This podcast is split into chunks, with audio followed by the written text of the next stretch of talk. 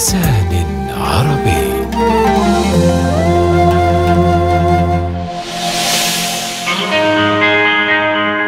جرعة مفرطة.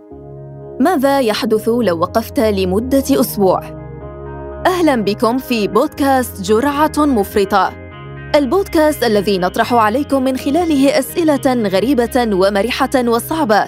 ثم نرسم لكم طريقا إلى أفضل الإجابات التي يمكننا جمعها على منصة تنوين. هل تعلمون أيها المستمعون الأعزاء أن ثمانية من كل عشرة عاملين في المكاتب يقضون ما بين أربع إلى تسع ساعات في اليوم جالسين على مكاتبهم أي ما يعادل حوالي شهرين وسبعة أيام من الجلوس لكل عامل سنوياً. هذا دون الأخذ بعين الاعتبار مشاهدة التلفاز أو استخدام الكمبيوتر أو القراءة أو أداء الواجبات المنزلية أو السفر بالسيارة أو الحافلة أو القطار. هذه العادة التي فرضتها علينا الحياة المعاصرة تبطئ عملية التمثيل الغذائي مما يؤثر على قدرة الجسم على تنظيم سكر الدم وضغط الدم وحرق الدهون. عامر، عامر هل تسمعني؟ تعال يا صديقي لدينا تجربة جديدة. سوف نقترح عليك اليوم تحديا جديدا. وكما كنت تستمع في أول الحلقة فالجلوس له أضرار كبيرة. وبما أنك تريد الحفاظ على صحتك يا عامر سنجرب معك تحدي الوقوف. نعم نعم. ستقف لمدة أسبوع كامل يا صديقي ولن ندعك تجلس أبدا. هيا فلننطلق. سوف نراقبك طوال أسبوع كامل وستكون في منزلك واقفا ولن تتحرك أو حتى تتكئ. ترى ما الذي سيحدث لعامر بعد هذه التجربة؟ هل سيشعر بالتعب والوهن الشديدين؟ هل سيتعرض لأزمة قلبية؟ أم تراه سيخرج من التجربة بدون آثار تذكر؟ فلنكتشف معا. لقد مرت الآن تسع ساعات بالتمام والكمال على بدء هذه التجربة. لم يسترح عامر فيها لأي سبب كان.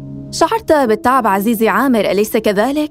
لست أنت فقط من يتعب من الوقوف بل إن العديد من الأشخاص يقضون ساعات مماثلة وهم واقفون أثناء ممارسة عملهم ولعلكم منهم أعزائي المستمعين إذ أن هناك العديد من المهن التي تتطلب الوقوف لفترات طويلة دون القدرة على المشي أو الجلوس أثناء هذه الفترات كعمل الحلاقين وعاملي البناء والإطار الطبي. فمثلا في غرف العمليات يحتاج الأطباء والممرضات للوقوف لعدة ساعات أثناء إجراء العمليات الجراحية. وكذلك يحتاج بعض عمال المصانع إلى الوقوف لساعات طويلة خلف الماكينات المختلفة. وقد ثبت علميا أن الوقوف لفترات طويلة يمكن أن يسبب عددا من المشاكل الصحية. يتطلب الوقوف مجهودا أكثر من الجلوس وبالتالي من المتوقع أن يتطلب المزيد من الاهتمام الذهني إذ يقوم الدماغ بمراقبة العضلات المعنية وضبطها باستمرار. تشير التجارب النفسية إلى أن الوقوف يدعم التركيز وهو تمرين ذهني مهم. كما بينت بعض الدراسات أن الأداء المعرفي يتحسن خلال الوقوف هذا بالإضافة إلى منافعه الجسدية مثل الحفاظ على الطاقة علاج آلام الظهر، خفض السكر بالدم، وفقدان الوزن. ولكن الوقوف طويلا قد يتسبب في زيادة الضغط على أوردة الجزء السفلي من الجسم، مما يتسبب في ظهور الدوالي والتي تتمثل في أوردة منتفخة ملتوية يمكن رؤيتها أسفل الجلد مباشرة وتكون عادة في الساقين. دعونا نعد إلى عامر كيف حالك صديقي؟ لقد مرت 35 ساعة على بدء التجربة أرى أنك بدأت تشعر بالتعب هذا طبيعي تماماً لأنه وببساطة خلال وقوفك لمدة طويلة يتوقف الدم عن التدفق في جسمك بطريقة سليمة ولا يصل إلى الدماغ كما ينبغي مما يترتب عليه آلام في الجسد وإحساس بالتصدع في أطراف جسدك. ها قد مر ثمانية وأربعون ساعة على وقوفك. يومان كاملان. متأكدة من أنك تشعر بالتعب. لكن هل تدري أن صحفية قامت بتحد مجنون يشبه تحدينا اليوم؟ نتحدث عن لويز. وهي صحفية إنجليزية مختصة في الشؤون الصحية والتي قررت القيام بكافة أنشطتها وهي واقفة لمدة شهر.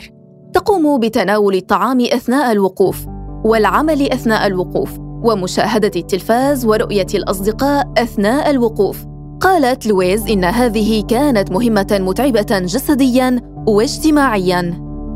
على الرغم من ذلك أدركت الصحفية بسرعة أنها كانت أكثر إنتاجية إلا أنها واجهت الكثير من الأوقات الصعبة إذ أن صعوبة الأمر تزداد عندما تهتم بأطفالها حيث أن ركبتها تؤلمها ومع تقدم الأيام يصبح النزول إلى الدرج وصعوده كابوساً بالنسبة إليها ولكنها حصدت نتائج جيدة إذ أن لويز حرقت 42 سعرة حرارية إضافية في الساعة وفي نهاية التجربة أصبحت معدتها مسطحة أكثر وانتقلت من مقاس 42 إلى مقاس 40 كما أنها أصبحت تنام جيداً في الليل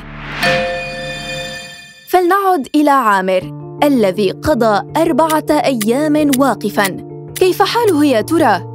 عامر عامر أين أنت؟ لما لا تجيب؟ آه أنت نائم نائم في وضعية الوقوف مثل طائر الفلامينغو؟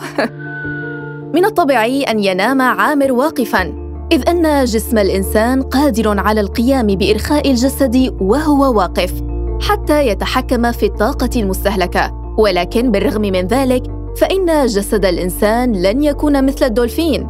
تتساءلون لما الدولفين؟ لأن الدلافين لها طريقة مميزة في النوم إذ أنها تبقي أعينها مفتوحة أثناء النوم لتبقى مستيقظة وعلى اتصال بمجموعتها.